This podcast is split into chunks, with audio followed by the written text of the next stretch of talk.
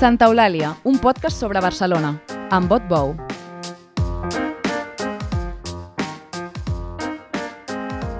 Les últimes edicions de les Festes de la Mercè han posat el dit en una nafra delicada. En quin estat es troba la cultura popular a Barcelona, com en tenim cura i com la vivim. El folclorista Amadeu Carbó demana calma. Diu que hem de repensar la cultura popular i que hem de repensar també la manera com s'hi aboquen les subvencions, el model de lleure que la ciutat ofereix als joves, la relació amb les tradicions que hi conviuen i l'equilibri entre la transformació i la preservació d'aquestes tradicions. Amb un discurs dinàmic i apassionat, avui a Santa Eulàlia, Amadeu Carbó i les flames culturals que encenen Barcelona. Amadeu Carbó és folclorista i escriptor, expert en cultura popular. Amadeu Carbó, benvingut a Santa Eulàlia. Gràcies, i un nom molt xulo, eh, això de Santa Eulàlia. Ara, ara de, seguida, de seguida en parlarem, que una mica la raó, la raó de convidar-lo era precisament això, parlar de la, de la cultura popular a Barcelona, dels símbols de la cultura popular a Barcelona, de la transformació de la tradició, de, en quina, en, de, per radiografiar una mica en quina situació està la cultura popular a Barcelona. I havíem pensat que una manera interessant de començar-ho a fer és parlant de les festes de la Mercè, uh -huh. que els últims anys, sobretot els dos últims anys, els tres últims anys han tingut eh, unes crítiques eh, bastant fortes, com a mínim, al, al model d'oci que plantegen. Sí, a veure, els dos, jo diria dels dos o els tres últims anys ha sigut unes festes de la Mercè molt complicades. Uh, jo, jo sempre dic a, a tothom que les ha fet, des de les associacions que hi han participat i les entitats, els tècnics que hi han participat, eh, jo sempre els dic, nois, eh, no podem dir res perquè realment hem hagut d'anar inventant sobre la marxa versions i versions i versions d'una festa en plena pandèmia. Dit això, dit això, que això doncs d'alguna manera doncs exculpa una situació que no ve d'ara, sinó que ve de lluny, ens trobem amb una festa major de la ciutat molt enquistada, en què oh, hi ha un model que al meu entendre eh, doncs és un model caduc, caduc, que no ha evolucionat. Per què és un model caduc? Perquè no representa o no té en compte la vitalitat de les entitats i associacions de cultura popular de la ciutat. Està feta massa de dalt cap a baix? Vol dir això o no? Mm, Jo diria que està feta totalment de dalt cap a baix. Hi han esforços perquè, també hi han esforços perquè aquesta situació doncs d'alguna manera giri com un mitjó. Però quan volem girar el mitjó eh, no sabem per què mai s'acaba girant. Llavors, bé, aquí s'hi ajunten moltes voluntats. Una, voluntats polítiques que doncs, costen de, de que arribin a bon port, voluntats eh, tècniques, en aquest cas de l'Institut de Cultura de Barcelona, doncs que sembla ser que no acaba de tenir un encaix eh, real del que és la festa de la Mercè amb la ciutat. Que és un institut, perdó la interrupció, eh? però que és un institut que depèn de l'Ajuntament de Barcelona. totalment. És, és, les direccions són nomenades a dit, diguéssim. per entendre-ho, eh? és, és, és, és la regidoria de cultura, és el braç executiu de la, de, de, és on es fan i es couen totes les polítiques culturals de la ciutat. Mm. -hmm. I és, entre altres coses, té la responsabilitat de la Festa Major de Barcelona. I és una festa major de Barcelona que no ve d'ara, insisteixo, no és d'aquests últimes dues legislatures ni tres, sinó que ve molt de lluny, en què el model s'ha anat repetint, repetint, repetint, repetint, eh, no hi ha hagut renovació en aquest model i eh, al final aquests models acaben sent molt passants. I si tu agafes la programació de la Festa Major de la Mercè, té molt més de festival que no de festa major. És a dir, podríem agafar la, festa, la programació de la Festa Major de la Mercè i anomenar-la festival directament. Mm. És, és una, una festa és una altra cosa. Una festa major és on la comunitat la viu, la comunitat la sent, la comunitat se la fa seva i la comunitat la- l'executa, la, participa... I l'organitza, de fet. I no? l'organitza. És una cosa que, per exemple, en el cas de Barcelona, cada vegada es veu més en les festes eh, de barri, i en les festes populars i en les festes majors alternatives, no? És que aquí es produeix un, un, un fet molt, molt curiós. Mentre diem que això es- està succeint a, a nivell de, de, de la festa major de la ciutat, i, i, i vull insistir, la festa major, de- tirar la festa major de la ciutat endavant és un tema molt complex, on intervenen molts, moltes variables.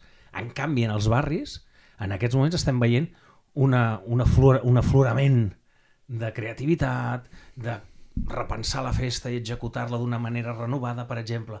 Fa quatre dies, quatre dies, eh, va haver-hi la festa major de Sant Andreu del Palomar, Mhm. on es va presentar una bèstia nova, eh, d'un seguici ja totalment pensat uh, per una identitat concreta que és la de Sant Andreu, sense mal copiar els seguicis de, de, diguéssim d'aquests més uh, uh, de, de recuperació festiva d'àligues, bous, molasses i tot això, agafen aquesta idea però la reinterpreten, la relaboren i la rellencen al carrer a Sant Andreu d'una altra manera, no? D'una manera molt més propera, molt més pròpia. Per exemple, ara han estrenat una cosa que és el colomí. No? El colomí seria, seria l'equivalent a una àliga de seguici. Però és anar, li han donat la volta. Nosaltres som Sant Andreu del Palomar, doncs alguna cosa tindrem a veure amb els coloms, no? Mm -hmm. Doncs un colomí, un colomí blanc i amb una posada en escena que jo vaig considerar que vaig pensar, ostres, ja m'agradaria veure-la en determinats moments de la Mercè, que està posada en escena, i ja m'agradaria veure en la Mercè el sentiment de la gent en aquell moment també. Aquesta vitalitat que deia, i que ara ho explicava en aquest cas concret, que, que deia que falta que es reculli en l'organització de les festes de, de la Mercè, com es podria recollir? Quin, on, on, quina part de l'engranatge falla exactament? A banda, penso, a banda del model d'organització, eh, vull dir? Jo, jo penso que uh, falla en la, en la part de aturar, aturar les màquines, per dir-ho d'alguna manera, aturem i pensem. I pensem entre tots què volem. És a dir, no existeix aquest espai de debat transversal, entitats, administració, no, aquest espai real no existeix. Però llavors és construir aquest espai. S'ha de construir aquest espai. Però amb això tampoc vull dir, no, és que la, a nivell de tècnics de l'ICUP aquesta gent no ho estan fent bé. No, és que ells no tenen l'espai tampoc per fer-ho. Uh -huh. uh, la meva experiència, i ara ja porto molt de temps a, relacionada amb, amb, amb, aquest, amb, amb aquesta relació, ajuntament, entitats, etc etc. la meva experiència em diu de que tampoc tenen l'espai. És a dir, a la que s'ha acabat la Mercè ja comencem a, ja comencem a produir una altra festa, no? I, a la, I llavors ja arribem un moment que llavors ja, ja arribem al Nadal i després de cavalcada Rei Santa Eulàlia. És a dir, no hi ha aquell espai ni les mans suficients, és a dir, van curs d'abans de dir, ei, aturem i pensem, mm -hmm. i pensem. Però per tant és una cosa, és com, és com una voràgine i ja està. És però, una voràgine. Però uh, això se solucionaria, o sigui, aquest espai de diàleg, que, com es concreta? És a dir, vol dir que l'Ajuntament s'hauria de seure a parlar amb les entitats, que les entitats haurien de trobar la manera de, de col·laborar entre elles, o, o què vol dir? Exactament, és, és això, és a dir, la, i, i, jo, i a mi em consta que la voluntat per part de tothom hi seria, hi seria però la realitat és que no ho fem. Llavors, per tant, s'ha d'apropiaciar d'alguna manera que això, això existeixi. I en el cas de la Mercè, això sempre ha estat així o en quin moment es comença a torça? Home, mira, jo vaig viure les Mercès... Eh, la, jo la meva primera Mercè és l'any 1984, jo era un adolescent, era un jove. Mhm. Eh? I la meva última eh, com a activista ficat dintre del, de l'all, per dir-ho deu ser l'any 98, una cosa així i després després em torno a reincorporar amb altres, amb altres temes. No? Jo de, la, de les mercès d'aquell moment a ara hi ha una hi ha un, un abisme, un abisme, però un abisme amb tot, amb gestió, creativitat, amb, amb, amb la manera de, de gestionar les coses. Mira, per posar-te un exemple, crec que va ser la... la jo vaig uh, dirigir la cavalcada del temps per a un forat, que això devia ser la Mercè de l'any 95, 96, per vols d'aquests anys, eh? ja no recordo ben bé, potser més i tot. Um, ho vam, vam fer un guió teatral on vam, hi vam treballar moltíssima gent de les, de les associacions, de les colles, tothom hi va portar i i a partir d'allà es, va, es va construir un gran guió. Uh, això, amb, i a més la gent va sortir amb tromba amb il·lusió al carrer. Això uh, actualment no existeix. De vegades, uh, la Mercè per moltes colles de cultura popular s'ha convertit en un bolo, en un bolo més, perquè al final la sortida que ells ara eh, anhelen és la del seu barri, molt legítimament. En canvi, nosaltres, tot i que anhelàvem a la, la nostra festa major, jo era del barri del Guinardó, eh, després vaig estar amb altres colles de gegants, però, però tots anhelàvem sortir per la Mercè. També és veritat que eren una, era un altre temps, era un altre moment. Nosaltres, quan sortíem al carrer, teníem com una aquests anys finals dels 80, 90, imagina't ja la, la gent de final dels 70, això devia ser la bomba, no? Teníem un punt de, de, de que estàvem transgredint alguna cosa. És que D'ocupació. de carrer.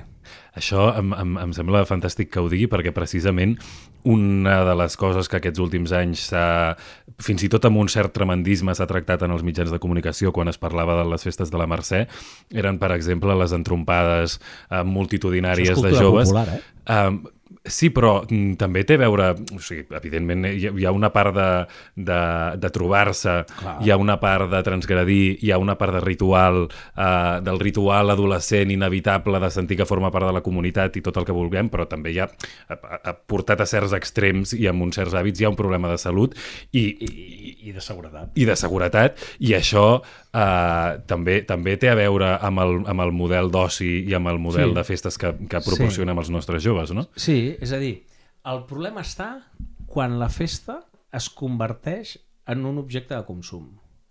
Quan es converteix la festa en, en, un, en un objecte de consum pur i dur, aquí tenim el problema. Quan la festa no la consumeixes, sinó que la construeixes, tu ets protagonista d'aquesta construcció, i això no vol dir que tu estiguis a l'organització. Perquè tu com a... perquè hi hagi festa, hi ha d'haver-hi... Tothom té un lloc a la festa. I perquè hi hagi festa hi ha gent que ha de tenir doncs, el seu lloc a la plaça, com a festers, que són els que ballen, els que porten gegants... Però si això no hi posem gent eh, que el que en diríem el públic, per dir-ho d'alguna manera, eh, no tenim festa. És a dir, tothom construeix la festa des del lloc, des del seu lloc. També les autoritats. És a dir, eh, quan nosaltres parlem d'un moment àlgid de la festa major, l'alcalde és al balcó, està en el seu lloc que li pertoca en aquell moment a la festa. I això se'n diuen se'n diu ritual, litúrgia, que en diu un protocol, però mm, al final és, és, és um, la festa té, té aquesta dimensió no? de, de posar a tothom, i després parlarem d'aquest tothom, perquè descobrirem que no I és tant. tothom, uh, de, de posar a tothom en, el, en un lloc determinat, dins la plaça, el carrer, el que sigui. Però després tenim els sense llocs, el sense lloc. Què és el Què sense fem lloc? els que no tenen lloc en a la festa? I aquí ve on ve el problema. I aquest debat sobre el qui és tothom. Exacte. Uh, I aquí ve on les polítiques públiques han de ser valentes. Uh, la societat, nosaltres, uh, jo sóc, sóc activista d'un tipus de cultura popular que uh, és la que normalment uh, denominem, coneixem com cultura, cultura popular catalana. Sí?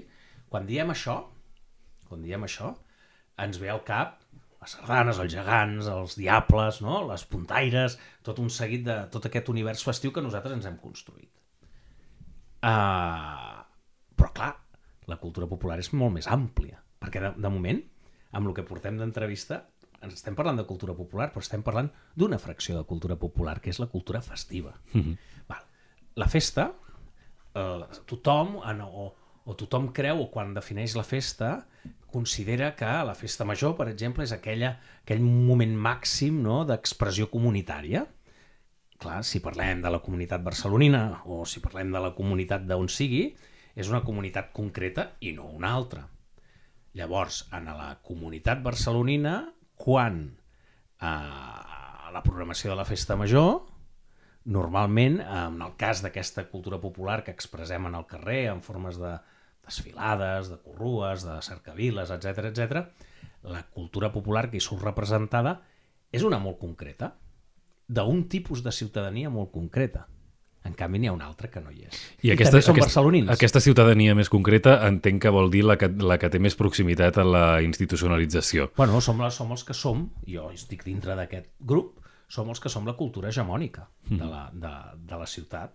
És a dir, o sigui, és un perfil doncs, doncs, de gent blanca, eh, catalans, eh, eh, que, que ens sentim catalans, bla, bla, bla. Però Barcelona, parlant concretament de Barcelona, és, un, és una ciutat eh, demogràficament molt més àmplia. Estem parlant que en aquests moments, com a mínim, tenim un 25% de barcelonins que ja no són ni tan sols nascuts a, ni a l'estat espanyol. Mm -hmm.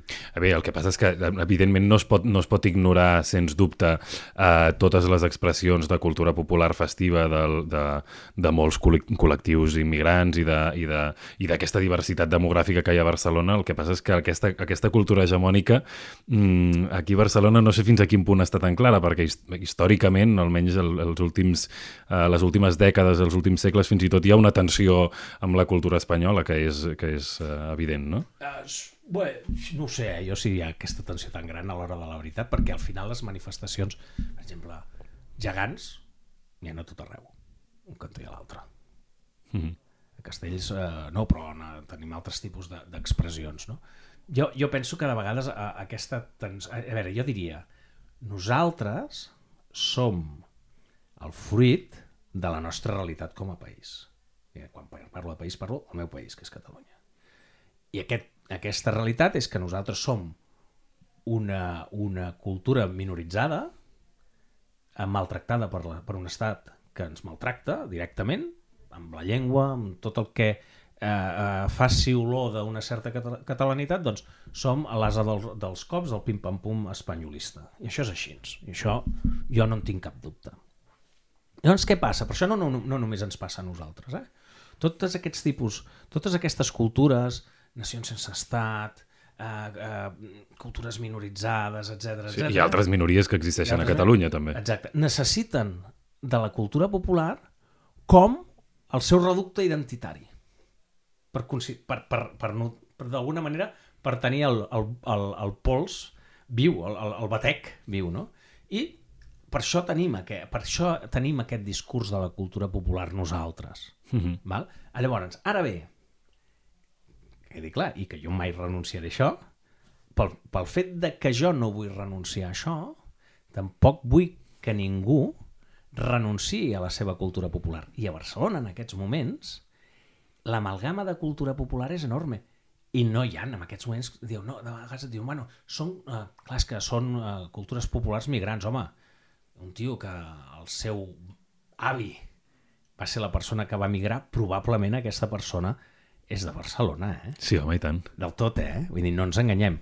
Però porta un bagatge cultural, una motxilla heredada i aquella persona, doncs, es dedica a expressions de cultura popular doncs, o que venen del Magreb, o que venen de, de, de Cuba, o que venen de Romania, o que venen... Quines grans expressions... Tot això és riquesa, eh? Quines, quines grans expressions eh, culturals eh, queden amagades? Quins exemples en podem posar? Per exemple, totes les que estan re eh, relacionades amb la cultura eh, musulmana, que és, un, és una cultura molt, molt, molt... Amb molta presència molta presència a la ciutat, sí. que en coneixem? Mm -hmm. de, no coneixem ni el calendari, ni el seu calendari festiu. Ens sona allò del... No? Ens sona allò del ramadà, no? que diuen, no, és que va amb les llunes, no? Sí, com, sí, és, que, és que els calendaris festius, eh, hi, ha, parts que van amb les llunes, el, el, el calendari festiu eh, cristià també va, hi ha una part que, molt important que va amb les llunes, no? Mm, per exemple, totes la, les comunitats llatines jo crec que les coneixem més, crec que les coneixem més, però no m'atreviria a dir-ho. Però ara et vaig a posar un exemple que aquest, aquest, aquest, és, de, eh, aquest és de calaix. Aviam. Aquest és de calaix. Què en sabem de la cultura gitana? Ben poc. Ben poc. Segurament Quan... coses caricaturitzades per la imatge de, de, de la Va. rumba i aquestes històries. Exacte. No? Um, la cultura gitana a Barcelona, quants anys porta implantada? Al, al segle XV tenim les primeres cròniques, els primers documents que ens parlen de l'arribada d'uns que en diuen els egipcis. De la, diuen, parlen dels egipcis, que són gitanos, que arriben mm. a, a Barcelona. I, sí, i, i des de llavors els tenim aquí amb comunitats molt estables. Uh, jo no he compartit, no he pogut mai compartir quin, i, i em consta que tenen una cultura popular riquíssima. Clar, què passa? Que el, els que som, formem part de, i jo formo part d'aquesta comunitat més hegemònica, més dominant, no tenim cap necessitat de relacionar-nos a, Uh, malauradament, no, no tenim aquesta necessitat i llavors fem com, com si no existís. Llavors fem visible la cultura popular d'aquesta, de, de la comunitat, eh, diguéssim, més hegemònica. Eh? Mm -hmm. Però, clar, llavors, aquí venen el tema de les polítiques públiques. I en aquest sentit em consta que s'hi treballa molt, perquè hi ha una mesura de drets culturals i ja s'ha s'ha aprovat una mesura de drets culturals i s'ha aprovat una mesura de cultures populars en plural ja. És a dir, jo penso que les polítiques públiques eh, han de fer visible totes les produccions de cultura popular que, que es, per legitimar-les en, el, en els territoris. És a dir, hem de legitimar el- la, la cultura popular tota, la que es fa en els territoris. Sens Tota. dubte hi ha, una, hi ha una qüestió de potser mancança o desatenció a l'hora de les polítiques públiques. No hi ha també possiblement eh, una, una part de cada col·lectiu de- eh, d'una certa por a la, a la mescla o a la, a la barreja perquè la, perquè la pròpia expressió cultural es mantingui mm. eh, tal com l'han viscut de sempre? Jo, jo, jo penso que hi ha una bona part d'això que tu dius. Eh? És a dir, de, de vegades ens fa mandra a conèixer l'altre. Per què de conèixer l'altre si jo estic la mar de bé aquí en el meu sofà, no? escalfat a, amb la manta? No? Això, nosaltres som mandrosos tots de mena, no? I també és veritat que els camins són d'anada i de tornada, és a dir, el mate la mateixa distància ja de, de la meva posició a la posició eh, a la posició de la cultura gitana o la posició de la cultura musulmana o de la llatina o de la que sigui romanesa o el que sigui, la diferència està en què jo eh, tinc, dintre de la comunitat tinc unes eines i eh, no m'agrada dir privilegis, tot hi ha gent que et diu que, que són privilegis, que tinc unes eines Recursos. o recursos que l'altre no té. Llavors això també s'ha de contemplar. Mhm. el, el, el tema de, de la cultura popular a les ciutats, no només a Barcelona, a les ciutats i a les grans, eh, a les grans comunitats, és un bon fangar, eh? És un bon fangar perquè és, dona molta complexitat, té, molta complexitat. Uh, hi han iniciatives molt, molt potents, per exemple, que en el Raval, en aquests moments, hi hi ha una iniciativa, per exemple, que ara no- m'a- m'agradaria recordar el nom i no el recordaré. Bueno, bàsicament és una, una... A, a partir de les cançons de Bressol, de Bressol, de les, comun... de les persones que viuen al Raval, que tots tenen procedències molt diverses, doncs hi ha un intercanvi de cançons a, de Bressol. Ostres, uh, és una bona manera de conèixer no? Mm -hmm. Jo penso que de vegades les comunitats aquestes que tenen més un, més un, un, un, un potencial de, de, de, de, de diversitat, al final acaben trobant solucions meravelloses. Però es troben des de la base. I potser dialoguen més entre elles fins i tot que no pas la cultura dominant amb la resta. Clar, No? clar. I, i, I la cultura popular dona recursos, eh, dona, eh, genera recursos fantàstics perquè siguin eines de cohesió. Per exemple, hi ha, hi ha, casos que per mi són de, bona de bones pràctiques. El cas de Torno al Raval. Hi ha un cas que se, es fa ús d'una cosa tan eh, tan coneguda i tan, eh, i tan usada i de l'art efímer de, que són les catifes de corpus, Sí. hi ha un projecte que es diu Mar de Flors. És a dir, i es fa... La, la catifa de flors és un mitjà perquè les dones, les dones de cultures on normalment són menys tingudes, es puguin trobar el seu espai de relació a partir de les catifes de flors. Això és una bona praxis de la cultura popular. Deixi'm que, que n'hi posi un altre exemple molt clàssic. Tinc un amic que, uh, que va venir de Ghana que sempre explica que quan va arribar el primer que li van dir va ser t'has de posar en una colla castellera perquè és una manera d'entrar en xarxa i d'entrar... Ho dic perquè um, també, hi ha una, també hi ha una capacitat segurament de la cultura dominant de facilitar uh, la integració, de la cultura popu- popular dominant, eh? vull dir, de facilitar la integració i de facilitar aquesta cohesió, no? Sí, però aquí la paraula és la clau, no? Tu dius la integració. Si tu veus la integració com un fenomen positiu, eh, això funciona en determinats... Jo, per exemple, quan parlem d'integració i com es fa, Mm -hmm. a mi la, la meva experiència em diu que quan parlem d'integració és que vingui, que renunciï al seu bagatge cultural i que, a, i que adopti el nostre. Clar, per mi això El que s'ha de fer és trobar la manera que puguin preservar-lo i abocar-lo en la cultura d'aquí. Exacte. I que, se, i no, i que si tenim una comunitat de senegalesos que fan no sé què, però ho fan, i ho fan aquí, per tant és una producció cultural d'aquí, se'ls visibilitzi. Al final eh, sumarem. Mhm. Al final sumarem. qui veu, qui, qui eh, veu la, aquestes, aquestes accions de, de, fer, de fer visible a l'altre com una agressió cap a la teva cultura és que tenim un problema. Mm. Com s'està diluint el paper de la, en el cas de Barcelona mm, concretament, el, el cas de el pes de la religió, per exemple, mm. molt, moltes fires eh, que després deriven en activitats festives, o, jo què sé, les, les fires de Santa Rita al Raval o el Corpus o mm. festivitats així, eh, això com, com ha anat evolucionant els últims la anys? La religió és un, és un fenomen de primer ordre en les produccions de cultura popular. I és així. És així. Nosaltres, totes, eh? Totes les religions generen cultura popular perquè generen expressió i generen expressió col·lectiva al carrer.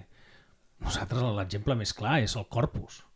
El corpus, una expressió religiosa del, del segle XIII i del XIV, vaja, a, a, a nosaltres ens ha generat, no, no, que encara és viu, i, i en el cas de Barcelona és festa patrimonial d'interès nacional des de, la, la, des de que es va celebrar el 700 aniversari del Corpus, Uh, però és que el corpus, la seva manera d'expressió al carrer en forma de processó, va acabar sent la mare o el pare de la majoria d'expressions festives que tenim a la ciutat.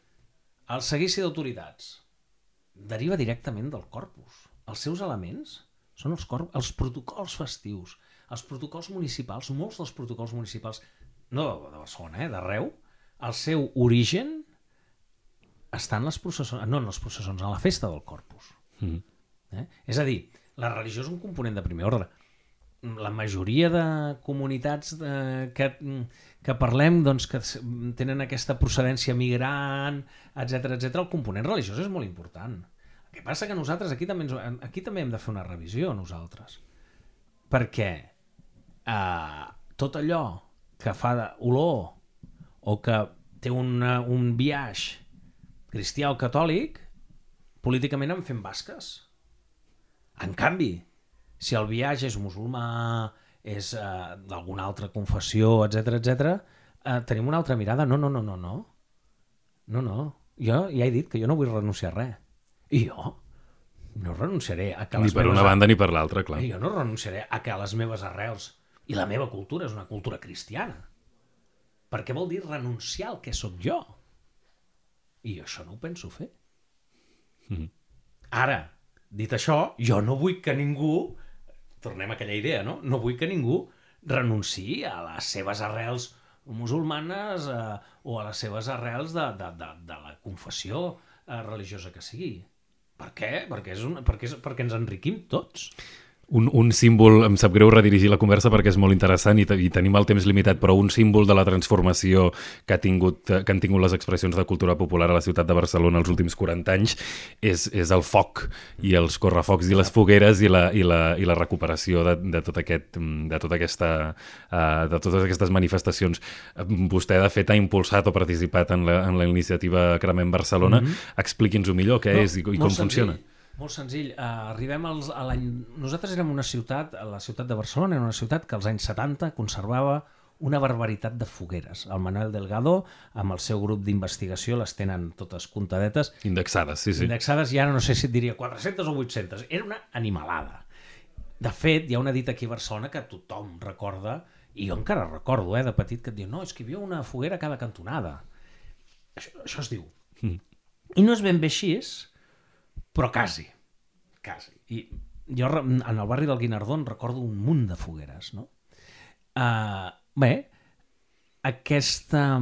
l'evolució de, la, de la ciutat, l'evolució de els canvis d'hàbits de la societat i tot un seguit de... Hi ha qui ho dic, per exemple, uh, el grup d'estudis de, de, del Manel Delgado ho posa el focus en el moment en què la canalla deixen de jugar al carrer i no els hi falta raó, però jo diria no només, és, aquest va ser un factor, però no només del fet de la desaparició de les fogueres, jo penso que hi ha moltes altres coses. També hi ha un, va haver-hi, sempre hi ha hagut una voluntat des del poder o des d'una voluntat administrativa de uh, fer desaparèixer les fogueres. Per què? Perquè són molestes. Perquè són molestes per dues coses. Una, surten aquests animalots a fer una foguera uh, per, per Sant Joan, ens fan malbé l'asfalt, el mobiliari... Això és un, una, això és un, aquest seria un argument, però n'hi ha un de més, de més uh, interessant. normalment al poder no li interessa que la gent s'organitzi. Clar, si si s'organitzen per cremar una foguera, per què no s'organitzaran per, Per fer cremar altres un coses? contenidor. Exacte. Val? D'acord? Eh, això és així. Això és així, eh? Uh, I això va, va arribar un moment que es va produir paulatinament, però molt acceleradament, molt acceleradament, molt acceleradament, van anar desapareixent fogueres, fogueres, fogueres, i arribem a l'any 2000 i escaig que teníem 10 fogueres a la ciutat. Totes elles menys una vinculades a la flama del Canigó. I això, i això és així. Eh? És a dir, la flama del Canigó va eh, tenir un paper de conservació de les fogueres a la ciutat. I això és així. Què va passar? Que nosaltres, gent vinculades a, a les fogueres de Sant Joan, doncs vam començar a tenir un treball molt productiu amb l'Institut de Cultura de Barcelona, precisament amb, amb, amb, amb el Departament de, de Cultura Popular, amb, la, amb, la, amb el Servei de Cultura Popular, i vam començar a treballar d'una manera molt potent pel fet de que es poguessin rep eh, reproduir altres fogueres a la ciutat. I com ha anat? Va anar molt bé, va anar molt bé, fins un moment, fins un moment determinat. A l'any eh, 2019, és a dir, l'any abans de la pandèmia, Just l'any dels contenidors, per cert. sí? Sí, sí, l'octubre és del veritat, 2019, Sí que és veritat, sí. sí. que és veritat. Doncs el Sant Joan, abans, és a dir, que aba- abans de la cremada de... Sí. Clar, perquè nosaltres quan vam dir que ens dèiem cremem Barcelona, la gent ens anava dient, home, vosaltres quin nom que us poseu també, eh? Quan va passar tot lo d'Urquinaona. Um, nosaltres uh, fem un grup de gent, uh, és a dir, ens trobem el Sant Joan del 2019, ens trobem que tot de situacions que ja havíem superat eh, durant els anys eh, i que havíem treballat conjuntament amb el servei de festes, des dels districtes, no tots, però des dels districtes de Barcelona, comencem a trobar problemes en els tècnics de llicències. I aquelles, algunes que portaven, fogueres que portaven fent-se 40 anys seguit, ens trobem que comencem a tenir problemes de, de, que senzillament no s'autoritzen. I quina perspectiva hi ha ara de millorar això? Ara t'ho explico, ara és que això és llarg, això, ara seré molt reduït. Llavors, ens ajuntem, com que arribem a aquest punt, la gent de les fogueres i també persones a títol personal, com és el meu, el meu cas, eh? eh que estem, eh, som gent tocats pel foc, tocats per les fogueres, diem, home, això hem de, de resoldre-ho. I creem una plataforma, que és la plataforma Cremem Barcelona, que agrupa totes les fogueres de la ciutat, o quasi bé totes. Jo crec que, les, que en aquests moments hi són totes. I ens posem uns, uns, uns objectius. Una, la preservació i la conservació de les fogueres a la ciutat. Dos, eh, que nosaltres, com a persones expertes en fogueres al carrer Barcelona, donarem un cop de mà a aquells que en volen tornar a fer. És a dir, nosaltres hem de ser motor i impuls de noves fogueres. Tres, importantíssim, hem de fer una normativa que sigui realista amb les fogueres de Sant Joan. Per cert, ho vam aconseguir. Ho vam aconseguir, ho vam aconseguir, vam fer un treball també, en aquest cas, molt, molt productiu amb l'Institut de Cultura de Barcelona i amb Bombers. I ho vam aconseguir. Vam aconseguir el que tothom ens deia que no aconseguiríem. No, això és impossible. Doncs ho vam fer. Ho vam fer i ho vam fer d'una manera senzilla. I ara estem a l'últim tram de, del que ens havíem proposat, que és que les fogueres de Sant Joan a Barcelona siguin considerades bé cultural d'interès local des de la, la perspectiva de l'immaterial, que no n'hi ha, això seria una novetat, o el seu equivalent. És a dir, que tinguin un grau de protecció important. Això què vol dir? Que les fogueres, la- la- l'Ajuntament farà fogueres? No, això vol dir que ens ho posarà fàcil als, als festers. És a dir, nosaltres respectarem i eh, fins i tot amb la nova normativa nosaltres mateixos hem proposat una normativa que té uns punts que és molt més, tot i que facilita el fer fogueres, pels, pels festers, pel, per la gent de les associacions, té uns punts de responsabilitat i restrictius més importants. Però nosaltres els complirem. Mm -hmm. Nosaltres no hi ha cap problema. Nosaltres això ho complirem. Ara falta aquest punt final. Que, ah, digui, digui. no, a- a- en el sentit de que probablement la, les fogueres de Sant Joan són l'expressió festiva de la ciutat més antiga que es conserva, de més. Mm -hmm. Em va molt bé, perdoni que, que, que l'hagi de tallar, però em va molt bé que, que haguem acabat parlant un altre cop, encara que sigui tangencialment de les institucions, perquè volia demanar-li també amb l'estat actual, una, que hi ha una certa crisi de la cultura popular, quin paper hi han jugat les subvencions i el model de subvencions que hi ha avui. A veure, jo sóc molt crític amb el model de subvencions. Jo penso que...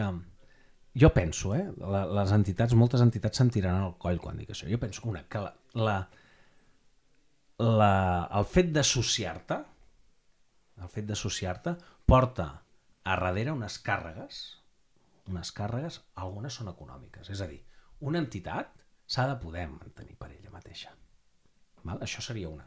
L'altra seria l'activitat que tu fas.